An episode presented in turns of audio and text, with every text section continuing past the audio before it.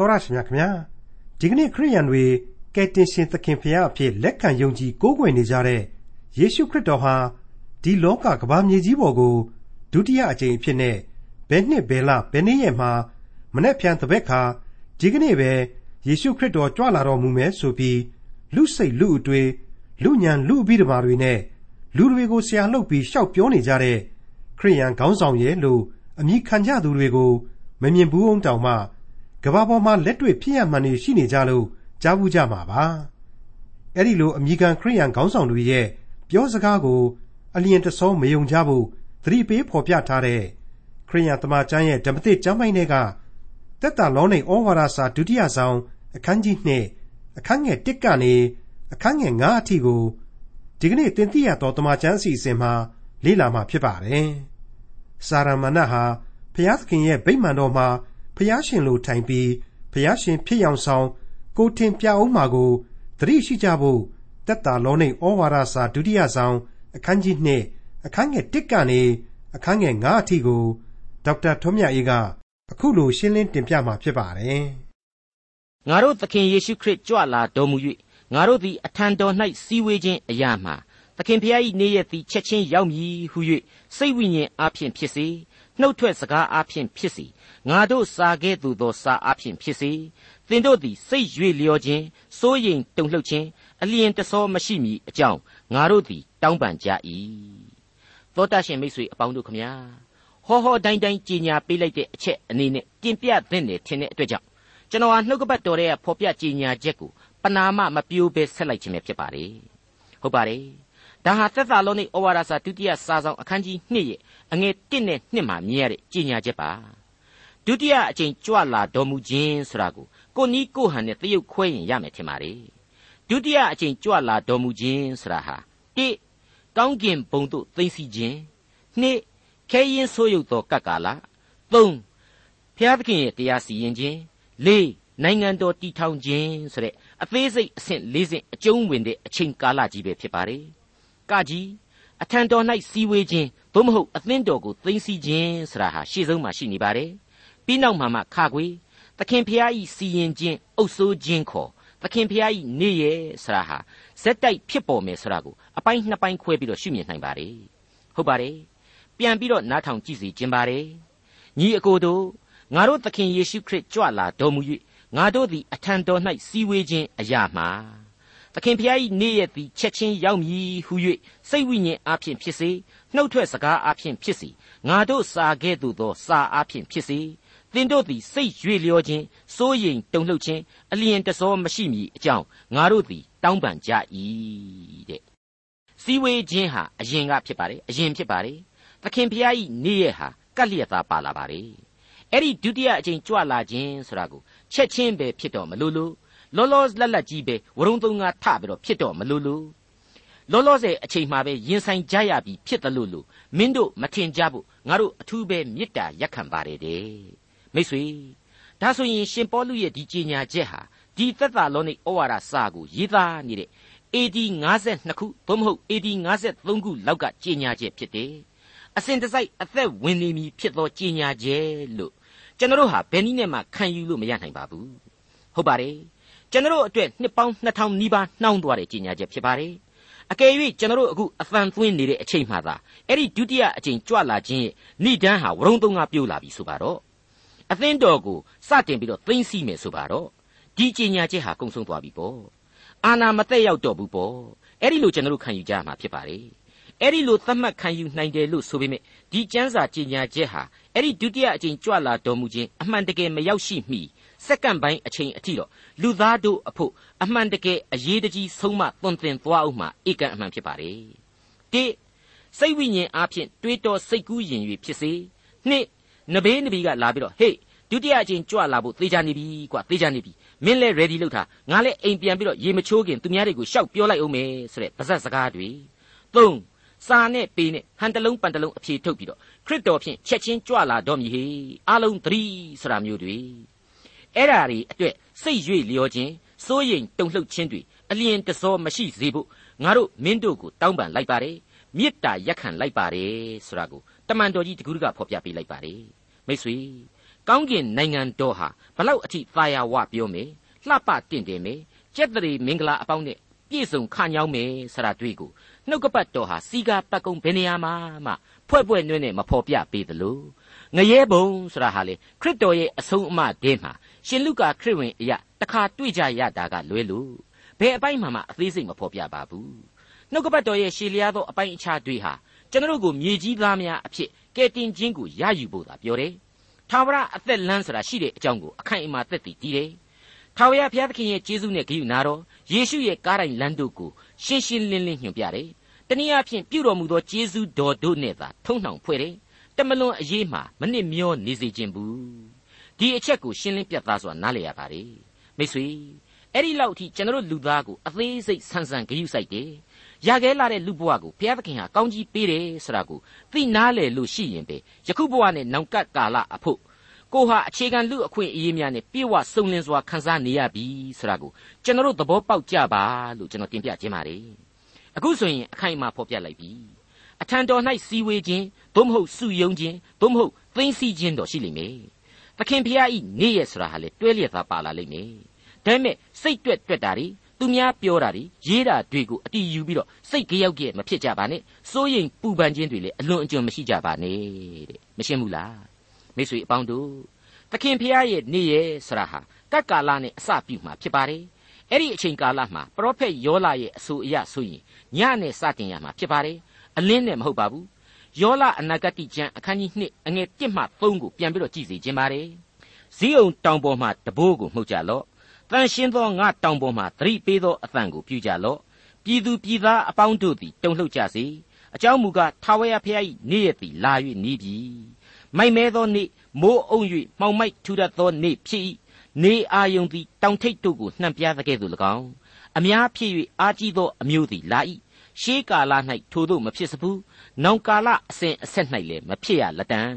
သူတို့ရှေ့မှမိလောင်၏နောက်၌လည်းမိလျံတောက်၏ရှေ့တွင်ရှိသောပြည်သည်အေဒင်ဥယျင်ကဲ့သို့ဖြစ်၏နောက်၌ကသုတ်သင်ပယ်ရှင်းသောလွင်ပြင်ဖြစ်၏အကယ်စင်စစ်သူတို့လက်မှအဘယ်အရာမျှမလွတ်ရတဲ့ဟုတ်ပါတယ်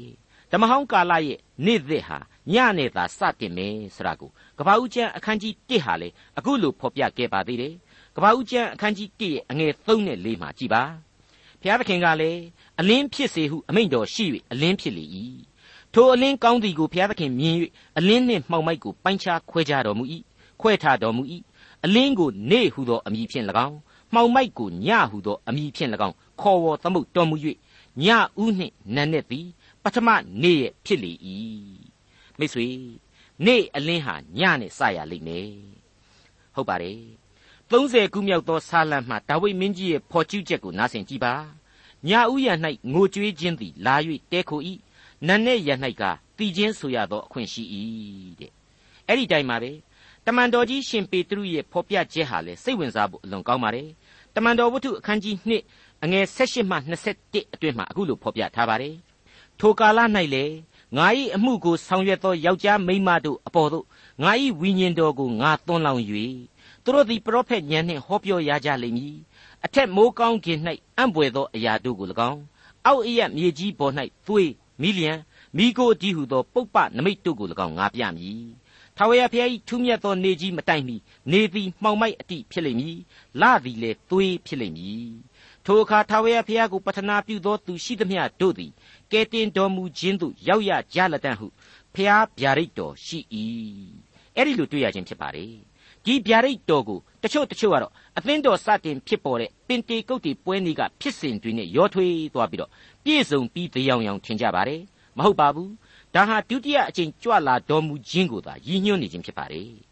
အဲ့ဒီလိုသခင်ဖျားရဲ့နေ့ရက်ဟာညနဲ့စတင်မယ် ကြွလာခြင်းဟာပခိုးတယောက်ညမှလာတယ်လို့ဖြစ်လိမ့်မယ်ဆိုတာတွေ့ကိုဖော်ပြနေပေမယ်အသင်းတော်ဟာအလင်းဤသားများဖြစ်တဲ့အတွက်ကြောင့်စိုးရိမ်စရာမလိုဘူးတနည်းပြောရရင်လေကပ်ကာလဒုက္ခဆင်းရဲခြင်းများနဲ့ကင်းလွတ်ကြရလိမ့်မယ်ဆိုတာကိုသက်သာလောနိဩဝါဒစာပထမစာဆောင်အခန်းကြီး9မှာကလေးကကျွန်တော်တို့တွေ့ကြရပြီးပါပြီအဲ့ဒီသက်သာလောနိဩဝါဒစာပထမစာဆောင်အခန်းကြီး9အငယ်1မှ6အတွင်းမှာကြည့်မယ်ဆိုရင်ညီအကိုတို့ ကပ်ကာလအချိန်များကိုသင်တို့အားရေး၍ပေးလိုက်เสียအကြောင်းမရှိအဘယ်ကြောင့်နည်းဟုမူကားသခိုးသည်ညအခါလာတဲ့ကဲ့သို့သခင်ဖျား၏နေ့ရက်သည်လာလိမ့်မည်ကိုသင်တို့သည်သေချာစွာသိကြ၏ ငြိမ်ဝတ်ခြင်းရှိ၏ဘေးအန္တရာယ်နှင့်ကင်းလွတ်၏ဟုဆိုစဉ်တွင် ကိုဝန်ဆောင်သောမိမ၌သားဖွာခြင်းဝေဒနာရောက်တဲ့ကဲ့သို့သူတို့အပေါ်၌လျင်မြန်စွာသောဖြစ်စည်းခြင်းရောက်၍လွတ်ခြင်းအခွင့်မရှိရကြသို့တော်လည်းညီအကိုတို့ ထိုနေ့ရက်သည်သူခိုးကဲ့သို့တင်တို့အပေါ်သို့ရောက်လာမည်အကြောင်းတင်တို့သည်မှောင်မိုက်၌နေကြသည်မဟုတ်တင်တို့အပေါင်းသည်အလင်းဤသားနေဤသားဖြစ်ကြ၏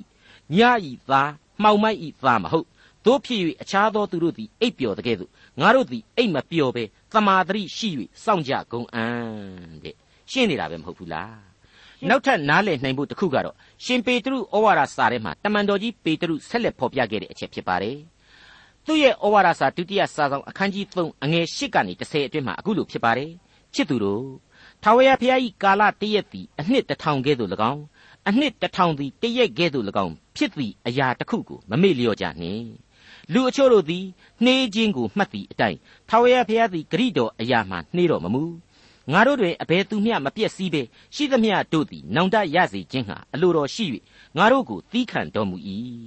တခိုးသည်ညအခါလာတဲ့ကဲ့သို့ထာဝရဘုရား၏နေ့ရက်သည်လာလိမ့်မည်ထိုနေ့၌မိုးကောင်းကင်သည်ကြီးစွာသောအသံနှင့်တကွပျောက်သွားလိမ့်မည်လောကဓာတ်တို့သည်ပူအားကြီး၍ပြက်ကြလိမ့်မည်မြေကြီးကိုမှဆ၍မြေကြီးပေါ်မှပြုလုပ်သမျှသောအရာတို့သည်ကျွန်းလောင်ကြလိမ့်မည်တဲ့မိတ်ဆွေအပေါင်းတို့ rapture လို့ခေါ်တဲ့အသင်းတော်ကိုအထံတော်၌စုယုံစေပြီးတော့ကောင်းကင်ဘုံသို့ချီဆောင်သွားသောအချိန်ကာလမှာအသင်းတော်မှာရှိတဲ့ယုံကြည်သူတွေဟာတန်ရှင်းသူများအဖြစ်ကောင်းကင်ဘုံတော်ကိုဝင်စားကြရလိမ့်မယ်။သေလွန်ခဲ့ပြီးသောသူတို့ဟာယုတ်တရက်နဲ့ပြန်ပြီးနိုးထမယ်။ရှင်သန်ဆဲလူတို့ဟာအဲ့ဒီအတိတ်ယုံကြည်သူတို့နဲ့အတူသိသိချင်းကိုခံစားကြရမယ်ဆိုတာကိုကျွန်တော်အထက်ထပ်ဖော်ပြခဲ့ပြီးပြီဖြစ်ပါတယ်။ဒါပေမဲ့အဲ့ဒီကြိုတင်သိသိချင်းကိုခံရသူတွေတဲက ဒီအသင်းတော်ဆရာဟာပါဇက်ပြောအသင်းတော်ဒီယုံကြည်သူဆိုတာဟာမိဂါမတ္တယုံကြည်သူများဖြစ်နေပြီဆိုရင်တော့လေကျွန်တော်တို့ကအကုန်လုံးကိုဘုရားသခင်သိသိမှာပဲဆိုပြီးတော့အယံဝင်ပြီးမပြောနိုင်ပါဘူးမသိသိဘူးလို့လည်းမဆိုဝံ့ပါဘူးဘာကြောင့်လဲဆိုရင်သိသိခြင်းနဲ့ဆက်ဆက်ရောက်ရှိလာမဲ့ကက္ကာလနဲ့တရားစီရင်ခြင်းတွေမှလေယုံကြည်သူအကြံအကျွင်းတွေမယုံကြည်သူတွေဣသရေလလူမျိုးတွေဟာရှိနေလိမ့်အောင်မယ်လို့ကျွန်တော်ခံယူထားတဲ့ထားတဲ့အတွက်ဖြစ်ပါတယ် ခံယူနိုင်လောက်အောင်လေနှုတ်ကပတ်တော်ရဲ့ဖော်ပြချက်တွေအရာကျွန်တော်ရှင်းလင်းပြတ်သားစွာအကဲဖြတ်နိုင်လို့ပဲဖြစ်ပါတယ်ဒီနေရာမှာဆက်ဆက်တွေးခေါ်ဖို့ဗျာဒိတ်အများအပြားရှိနေတဲ့အနေဟေရှာယအနာဂတိကျမ်းအခန်းကြီး9အငယ်14ကနေ18ကိုကျွန်တော်တခါပြန်ပြီးတော့ဖတ်ပြလိုပါတယ်ထို့ကြောင့်မရဏနိုင်ငံသည်မိမိလောဘကိုကျယ်စေ၍မိမိပါဇက်ကိုအတိုင်းအရှိမရှိဘဲဖွင့်ဟသဖြင့်သူတို့၏ဂုံအထရေအလုံးအရင်အသံပလံပြုခြင်းရှင်လန်းခြင်းတို့သည်ဆင်းမြုပ်ရကြ၏ ရုပ်သောသူလည်းဥနှိမ်ခြင်းမြတ်သောသူလည်းရှုံချခြင်းကိုခံရ၍မာနကြီးသောသူတို့၏မျက်နှာလည်းပြည့်ရ၏ကောင်းကင်ဘုရားအရှင်ထာဝရဘုရားသည်တရားစီရင်ခြင်းအပြင်ချီးမြှောက်ခြင်းသို့ရောက်တော်မူလိမ့်မည်။တန်ရှင်းတော်မူသောဘုရားသခင်သည်ဖြောင့်မတ်ခြင်းအပြင်တန်ရှင်းခြင်းရှိတော်မူလိမ့်မည်။ထိုအခါသိုးတငယ်တို့သည်အလိုအလျောက်ကျက်စားရကြလိမ့်မည်။တထေးသူကျွေပိုင်ပူး၍လူစိတ်ညံရာအရ၌လေဧည့်သည်တို့သည်စားရကြလိမ့်မည် အဲ့ဒီလိုထပ်ပြီးတော့တွေ့ရတဲ့အတွက်ကြောင့်ဖြစ်ပါတယ်ဘယ်လိုဖြစ်မယ်ပြက်မယ်ဆိုတာကိုနှုတ်ကပတ်တော်ကဖော်ပြထားတဲ့ပို့ပြီးတော့ကျွန်တော်တို့မပြောတတ်ပါဘူးပြောလဲမပြောဝံပါဘူးလက်လန်းမမီနိုင်တဲ့အနာဂတ်ဖြစ်တယ်ဒါပေမဲ့အတိတ်နဲ့ပြစ္ဆုတ်ပံကာလမှာပင်ထင်ရှားခဲ့ပြီးတဲ့အနာဂတ်ကြံပေါင်းများစွာတို့ဟာကြံကျွင်းနေတဲ့အနာဂတ်တို့ကိုလည်းရှင်းလင်းပြတ်သားစွာသစ္စာကြည်စီမှာဖြစ်တဲ့အကြောင်းသတိပေးနေတယ်လို့တင်ပြလိုက်ပါရစေအခုအချိန်မှာတော့ သက်သာလောနိဩဝါဒစာဒုတိယစာဆောင်အခန်းကြီး2အငယ်3ကိုဆက်ရန်အတွက်အငယ်1နဲ့2ကိုပါတပေါင်းတစည်းတည်းထည့်သွင်းပြီးတော့ဖတ်ပြပါရစေ။ညီအကိုတို့ငါတို့သခင်ယေရှုခရစ်ကြွလာတော်မူ၍ငါတို့သည်အထံတော်၌စည်းဝေးခြင်းအရာမှာသခင်ဖျား၏နေ့ရက်သည်ချက်ချင်းရောက်မည်ဟု၍စိတ်ဝိညာဉ်အားဖြင့်ဖြစ်စေနှုတ်ထွက်စကားအားဖြင့်ဖြစ်စေငါတို့စာခဲ့သို့သောစာအားဖြင့်ဖြစ်စေသင်တို့သည်စိတ်ရွေ့လျော့ခြင်းစိုးရိမ်တုန်လှုပ်ခြင်း အလျင်တစောမရှိမီအကြောင်းငါတို့သည်တောင်းပန်ကြ၏အဘယ်သူမျှသင်တို့ကိုအဘယ်သို့သောအားဖြင့်မလှည့်ပြားစေနှင့်ထိုနေ့ရဲ့မရောက်မီဖောက်ပြန်သင်းခွဲခြင်းသည်အရင်ဖြစ်၍ဒုစရိုက်လူဒီဟုသောပျက်စီးခြင်းဤသားသည်ပေါ်လာရလိမ့်မည်သိရှင်းသွားပြီထင်ပါတယ်ကို့အဘိဓမ္မာတွေနဲ့ကိုရှောက်ပြီးတော့တွေးမနေပါနဲ့နဘေးကလာပြီးပြောတာတွေကိုလည်းမယုံပါနဲ့စာတရန်ပေဒနံထုတ်ပြန်ကြေညာဓာတ်တွေကိုလည်းအဟုတ်ကြီးမှတ်မနေပါနဲ့တဲ့အခုကျတော့ ထိုနေ့ရက်ကိုမရောက်မီတွေ့လာရမယ့်လက္ခဏာများကတော့အောက်ပါအတိုင်းဖြစ်ပါတယ်ဆိုပြီးတော့တမန်တော်ကြီးဖော်ပြလိုက်ပါတယ်ထိုနေ့ရဲ့ဆိုတာဘယ်နေ့ရက်ကိုဆိုခြင်းပါသလဲသခင်ဖျားဤနေ့ရက်ကိုဆိုခြင်းတယ်လို့အတိတ်ပဲပေါ်လာပါတယ်အသင်းတော်ကိုသိမ်းဆည်းသောအဆင့်ရဲ့နောက်ဖြစ်မဲ့ကပ်ကာလတရားစီရင်ခြင်းနဲ့နိုင်ငံတော်တည်ထောင်ခြင်းအဆင့်တွေအကျုံးဝင်ပါတယ်အကယ်၍သိမ်းဆည်းခြင်းကိုပါဆက်ဆက်လိုရင်ဆက်ဆက်ပါဒါပေမဲ့သိမ်းဆည်းခြင်းပြီးမြောက်သွားတဲ့အချိန်လို့ အများကြီးအတိတ်ပဲတက်ရောက်မှုရှိနေတာဟာအမှန်ပဲဆိုတာကိုတော့စဉ်းစားဖို့လိုပါတယ်ဟုတ်ပါတယ်သခင်ဖျားဤနေ့ရဲ့မရောက်မီဖောက်ပြန်သင်ခွဲခြင်းသည်အရင်ဖြစ်၍တဲ့ဘယ်လောက်ထူးဆန်းတယ်လေအဲ့ဒါကိုအင်္ဂလိပ်က falling away လို့ဖော်ပြထားပါတယ် Greek ဝေါ်ဟာရအရာ apostasia လို့တွေ့ရပါတယ်အဲ့ဒါဟာတကယ်အသင်းတော်တဲကအသင်းတော်တဲမှာအသားတဲကလောက်ထွဲပြီးတော့ဖောက်ပြန်ခြင်းအသင်းများကွဲပြားခြားနာခြင်းတို့ကိုကြည့်ဆိုလိုတာမဟုတ် တူးနဲ့တူးခွဲခွာရခြင်းကိုယ်ကွင်းရခြင်းကိုပါဆိုလိုခြင်းဖြစ်တယ်လို့ကျွန်တော်တို့သတိချက်ဖို့လိုပါတယ်အဲ့ဒီလိုဆိုရင်သခင်ဖျားကြီးနေ့ရက်ဖြစ်သောကပ်ကာလတရားစီရင်ခြင်းနဲ့နိုင်ငံတော်တည်ခြင်းတို့အရင်မှာပနာမပြိုးပြီးတွေ့ရတဲ့ခွဲခွာရခြင်းကိုယ်ကွင်းရခြင်းဆိုတာဟာဘာတော့ရှင်းရှင်းကလေးပြောရရင်တော့မြေပေါ်မှာရှိတဲ့အသင်းတော်ဟာဖောက်ပြန်သင်ကွဲပြီးတော့ယုံကြည်ခြင်းသစ္စာ၌တည်သောအသင်းတော်ရဲ့ ယုံကြည်ခြင်းသစ္စာ၌မတည်သောအသင်းတော်ရဲ့ဆိုတာနှစ်ပိုင်း꿰ခဲ့ရတယ်အဲ့ဒီအကွဲအပြဲတွေကယုံကြည်ခြင်းသစ္စာတည်သောအသင်းတော်ကိုမြေပေါ်ကနေခရစ်တော်ဟာခွဲခွာသိမ်းဆီးသွားပြီဆိုတာပေါ်လွင်လာပြီအဲ့ဒါဆိုရင်အထက်ကကျွန်တော်ရှင်းပြခဲ့တဲ့အတိုင်းပဲအသင်းတော်ကိုသိမ်းဆီးမယ်ဆိုတိုင်းအသင်းတော်အကုန်မဟုတ်နိုင်ဘူးယုံကြည်သူလည်းအကုန်မဟုတ်နိုင်ဘူးဆိုတဲ့အချက်ဟာပို့ပြီးတော့တက်တည်ထင်ရှားလာပါတယ်ခိုင်လုံလာပါတယ်လို့ကျွန်တော်ဆိုချင်ပါတယ် တရားစီရင်ခြင်းခံယူဖို့လိုတဲ့လူအဖွဲ့အစည်းကြီးတစ်ခုလုံးဟာအဲ့ဒီသခင်ဖျားရဲ့နေ့ရက်ဖြစ်တဲ့ကပ်ကာလတရားစီရင်ခြင်းကိုရင်ဆိုင်ရဖို့ရှိတယ်ပြီးနောက်မှာတော့အပြစ်စီရင်ခြင်းမခံရတဲ့လူသားတွေဟာကောင်းကင်နိုင်ငံတော်ကိုဆက်လက်ဘုန်းတော်ဝင်စားရမယ်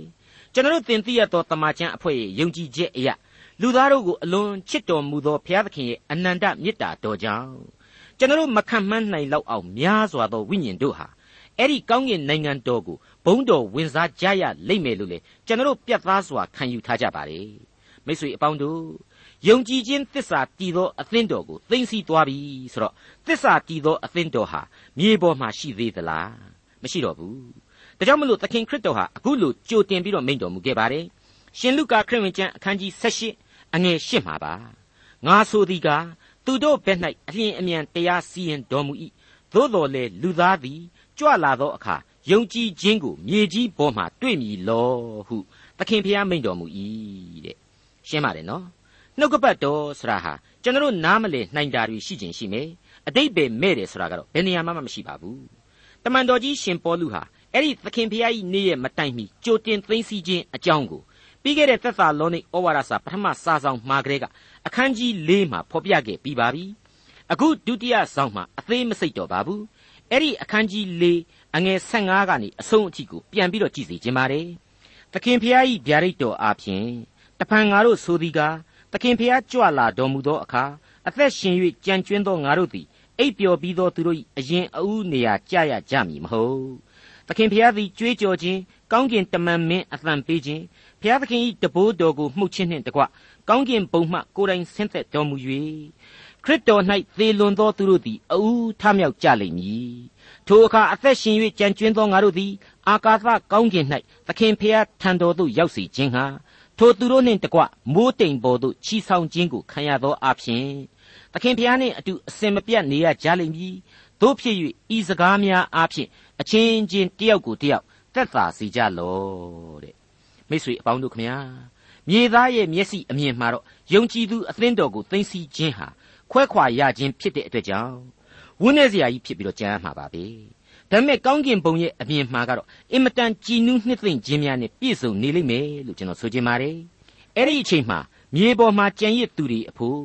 ရုတ်တရက်ဝန်းနေပြီးတော့ကြံရစ်မယ်လို့တော့လည်းပြောလို့မရပါဘူးနှုတ်ကပတ်တော်အတိုင်းသမာသမတ်ကြကြအသက်ရှင်နေထိုင်ပြီးတော့တရားတော်မှာသာနေညံ့မပြတ်ဆင်ခြင်အောက်မိနေတဲ့တန်ရှင်းသူကြီးတွေဆိုတာဟာအများစုသိပ်ပြီးတော့ လူအများစုနဲ့အစည်းကပ်ကြခြင်းမရှိပါဘူးကျွန်တော်ပြောခဲ့တဲ့အတိုင်းပဲထာဝရဘုရား၏တရားတော်၌မွေ့လျော်၍တရားတော်ကိုနင့်ညံ့မပြတ်ဆင်ခြင်အောက်မိပြီဘုရားတရားမြဲပြီဆိုရင်လူကြောင်ကြီးတွေဘူးကြီးတွေကွာစာကြီးတွေလို့ကျွန်တော်တို့အများစုဟာသဘောထားတတ်ကြပါလေပေါင်းလို့သင်းလို့မကောင်းတဲ့ငနေကြီးတွေဆိုပြီးတော့ဝိုင်းပြီးတော့ဟားတိုက်တတ်ကြတယ်မဟုတ်ဘူးလားအေးအဲ့ဒီလိုလူကြီးတွေဟာလောကမှာဘယ်သူနဲ့မှအဆင်ပြေပြေမပြေပြေ ဘုရားသခင်သိမ်းစီးမဲ့အချိန်မှာတော့ရှေ့ဆုံးတန်းမှာပါသွားလိမ့်မယ်အဲ့ဒီအချိန်မှာတော့သူတို့ကိုကြည့်မရတဲ့လူပြော်တွေလူရှုပ်လူနောက်လူပြောင်တွေကနေပြီးတော့လက်ခုပ်လက်ဝါးတီးပြီးတော့သွားပြီဟေးသွားပြီအမိုက်ကြီးတွေတော့ရှင်းသွားပြီးတော့ကောင်းကင်ဘုံကိုကောက်ကောက်ကောက်ကောက်နဲ့ပါသွားပြီဆိုပြီးတော့လည်းဖြစ်နိုင်ပါတယ်ဖြစ်ဆိုသူတို့ဟာဗျာဒိတ်တော်ကိုနားမလည်ဘူးလေ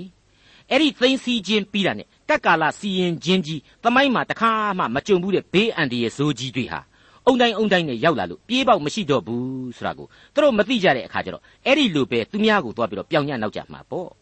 သိတာသိရင်တော့သွားလေသူတို့အတွက်ဝန်းနေရခြင်းနဲ့အတူကို့အတွက်လဲကိုဟာစိတ်ပူပြီးတော့ကတော်ကပြောဘုရားသခင်ကိုအသနာခံဆုတောင်းမိလိမ့်မယ်အမှန်ပဲလို့ကျွန်တော်တွေးဆမိပါတယ်မိษွေတော်တတ်ရှင်အပေါင်းတို့အဲ့ဒီလိုဖောက်ပြန်သင်ခွဲခြင်းဆိုတာရေခွဲခွာကိုယ်ကွင်းရခြင်းရေဆိုတာရေအဲ့ဒါတွေဖြစ်ပေါ်ပြီးတဲ့နောက်မှာတော့ အဲ့ဒီလိုအသိန်းတော်တို့အားသိမ့်စီခြင်းပြီးစီးတဲ့နောက်မှာတော့ဒုစရိုက်လူဒီဟုသောပျက်စီးခြင်းရဲ့သားဟာပေါ်လာရမယ်ဆိုပြီးတော့ဒီအပိုင်းမှာဆက်လက်ပြီးတွေ့ရပြီဟုတ်ပါတယ်ထိုနေ့ရဲ့မရောက်မီဖောက်ပြန်သင်ခွဲခြင်းသည်အရင်ဖြစ်၍ဒုစရိုက်လူဒီဟုသောပျက်စီးခြင်းဤသားသည်ပေါ်လာရလိမ့်မည်တဲ့ဒုစရိုက်လူပျက်စီးခြင်းဤသားဆိုတာဟာစာရန်လူပဲစာတန်ရဲ့လက်ယုံကြီးပါပဲသူ့ကို anti christ လို့အင်္ဂလိပ်လိုခေါ်ပါတယ် ရှင်ယောဟန်ကတော့ anti christ လို့ဖော်ပြထားပါတယ်အဲ့ဒီ anti လို့ဖော်ပြထားကြတဲ့ကခရစ်တော်ကိုဆန့်ကျင်သူဆိုတဲ့အတိတ်ပဲဟာရှင်းနေအောင်ပေါ်နေပါပြီအဲ့ဒီလိုစာဒန်လူကို anti christ အပါအဝင်အခြားနာမည်အမျိုးအစားပေါင်း30လောက်နဲ့ဗရန်အမျိုးမျိုးပုံဖော်ပြီးတော့နှုတ်ကပတ်တော်မှာတွေ့ရပါတယ်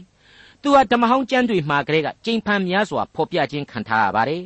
တက္ကာလမှာယောမအင်ပါယာကြီးကိုအသစ်ပြန်ထူထောင်ပြီးတော့ကမ္ဘာအာနာရှင်ကြီးအဖြစ်တခစ်ထွန်းအောင်မယ် ကဘာကြီးကိုလှည့်စားအောင်မယ်သူဟာကပ်ကာလအချိန်မှာဏိဒန်းပြိုးလိုက်တာနဲ့ပဲကပ်ကာလအချိန်ဏိဒန်းပြိုးလိုက်တာနဲ့ပဲအဓိကခရစ်တော်ဆန့်ကျင်ရေးခေါင်းဆောင်ကြီးဖြစ်လာမှာဖြစ်တယ်ဆရာတွေကိုလေအကြံပြင်းကျွန်တော်ခံယူမှတ်သားထားဖို့လိုပါတယ်ကျွန်တော်ဟေရှာယအနာဂတိမှာတုန်းကလေဘာဘူးလုံလို့ခေါ်တဲ့နောက်ဆုံးသောကပ်ကာလရဲ့ဒုစရိုက်နိုင်ငံတော်ကြီးဟာကဘာဦးတုံးကလိုပဲတက်လှည့်ပြန်ပြီးတော့ကောင်းထောင်လာမယ် အဲ့ဒီနိုင်ငံကြီးနဲ့အတူဒီ anti christ ဟာအပိသက်ကြဆုံးသွားရလိမ့်မယ်ဆိုပြီးတော့ဟေရှာယအနာဂတိကျမ်းအရာကျွန်တော်ဖော်ပြခဲ့ပြီးဖြစ်ပါတယ်ဒီအကြောင်းတွေကိုတော့နောင်ဒီအချက်တွေကိုအထူးပြုဖော်ပြသွားမယ့်သင်ခန်းစာတွေမှာဆက်ပြီးတွေ့ကြရအောင်မှာဖြစ်တဲ့အကြောင်းကျွန်တော်ကြိုတင်အစီရင်ခံထားလိုပါတယ်အဲ့ဒီလိုဒုစရိုက်လူသို့မဟုတ်ပျက်စီးခြင်းဤသာသို့မဟုတ်အန်တီခရစ်ဆိုတဲ့အပြစ်ငရဲကောင်ကြီးရဲ့အရေးအချင်းနဲ့လက္ခဏာအရက်တချို့ကိုတော့သက်သာလောနိဩဝါဒစာဒုတိယစာဆောင်အခန်းကြီး2 အငယ်၄ဟာအခုလိုဆက်လက်ဖော်ပြပေးလိုက်ပါတယ်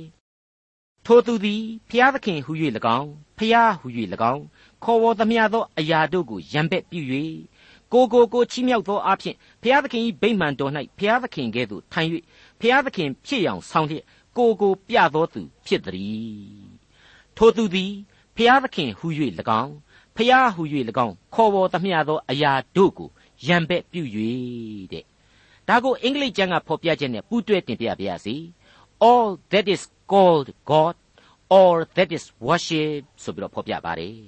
အင်မတန်အရေးကြီးလှတယ်လို့ကျွန်တော်ဆိုချင်ပါတယ်ဖျားသခင်ကိုယံပက်ပြုယုံတယ်မကအခြားသောဖျားများကိုလည်းယံပက်ပြုတယ်ဆိုတာကိုပါထည့်ပြီးပြောထားပါတယ်မိတ်ဆွေအပေါင်းတို့ခမညာငါမှတပါအခြားသောဖျားကိုမကိုးကွယ်ရဆိုတဲ့ပြည့်ညတ်တော်ပထမအချက်နဲ့ကိုပဲငါမှတပါအခြားသောဖျားများရှိတယ်ဆိုတာကို ဘုရားသခင်အသိအမှတ်ပြုထားကြောင်းကိုကျွန်တော်တင်ပြခဲ့ဘူးသလိုဘုရားသခင်သားသမီးများဖြစ်လို့သင်တို့ဟာဖျားများဖြစ်ကြတယ်ဆိုပြီးတော့ဆာလံတီချင်းကဖော်ပြချက်တို့ကိုလည်းကျွန်တော်အမှတ်ရမိပါတယ်မိတ်ဆွေအပေါင်းတို့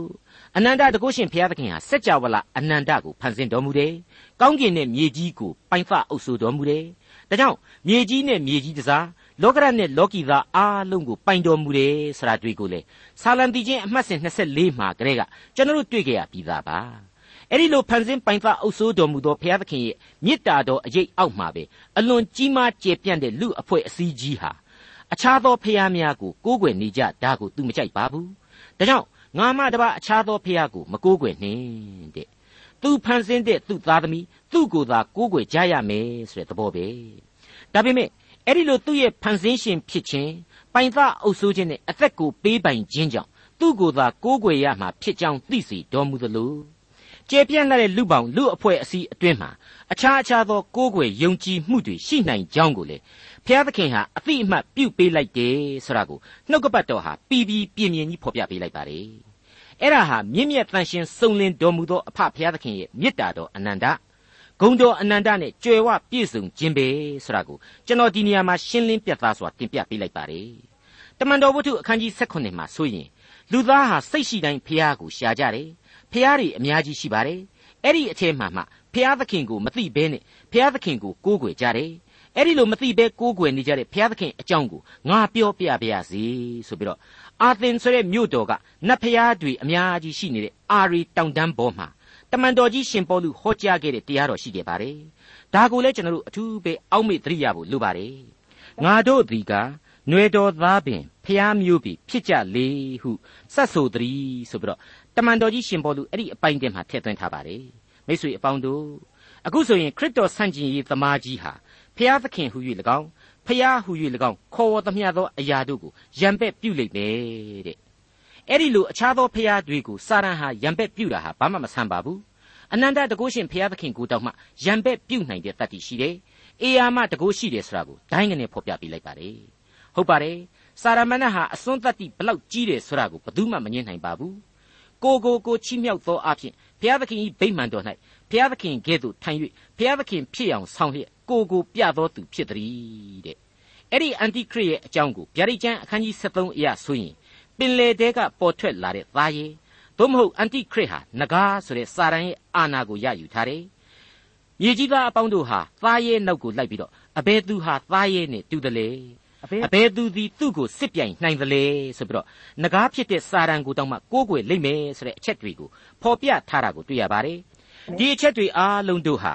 အသက်ရှင်တော်မူသောအဖဖခင်သခင်ကိုကိုးကွယ်လိုတဲ့လူသားတိုင်းအဖို့စိတ်စိတ်ဆင်ခြင်အပ်သောကြမ်းကြက်ဖြစ်တဲ့အကြောင်းလေးစားစွာတင်ပြလိုက်ပါရစေဒေါက်တာထွန်းမြတ်ရေးစီစဉ်တင်ဆက်တဲ့တင်ပြတော်တမချန်းအစီအစဉ်ဖြစ်ပါတယ်နောက်တစ်ချိန်အစီအစဉ်မှာခရိယံတမချန်းရဲ့ဓမ္မသစ်ကျမ်းပိုင်းတွေက တက်တာလောနေဩဝါဒစာဒုတိယဆောင်အခန်းကြီး2အခန်းငယ်6ကနေအခန်းငယ်19အထိကိုလေ့လာမှာဖြစ်တဲ့အတွက်စောင့်မျှော်နားဆင်နိုင်ပါတယ်။